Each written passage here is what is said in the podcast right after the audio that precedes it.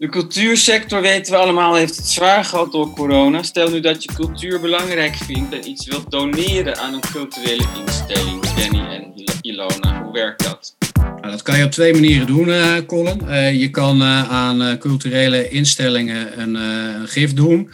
En dan mag je in je aangifte inkomstenbelasting mag je in principe die gift met 1,25 vermenigvuldigen. En dat bedrag mag je dan in je aangifte aftrekken met een maximum van 1250 euro.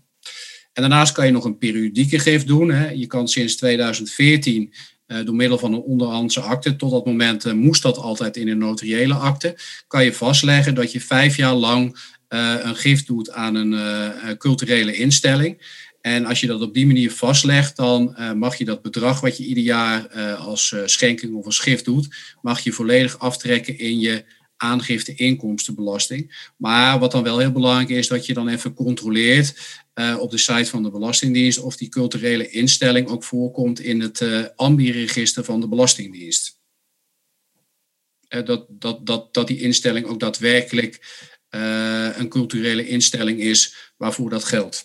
Het voordeel tegenwoordig, want om de schenkingen, de periodieke schenkingen meer in trek te maken, um, is een stapje naar een notaris niet meer nodig. Het enige wat je wel nog moet doen, is dat je die, uh, een overeenkomst vastlegt. Uh, daarvan zijn standaard overeenkomsten, daar hebben wij ook standaard overeenkomsten, die je moet invullen en, en moet ondertekenen. Maar je hoeft gelukkig niet meer naar de notaris toe om een periodieke, gift, een periodieke gift te laten maken en te laten zijn. Duidelijk. Nou jongens, hartstikke bedankt weer. En ik zou zeggen tot de volgende podcast. Nou, graag gedaan, eh, Colin. Het was weer leuk om uh, te doen. En uh, alvast een fijn weekend. Dankjewel. Graag gedaan. Hoi hoi.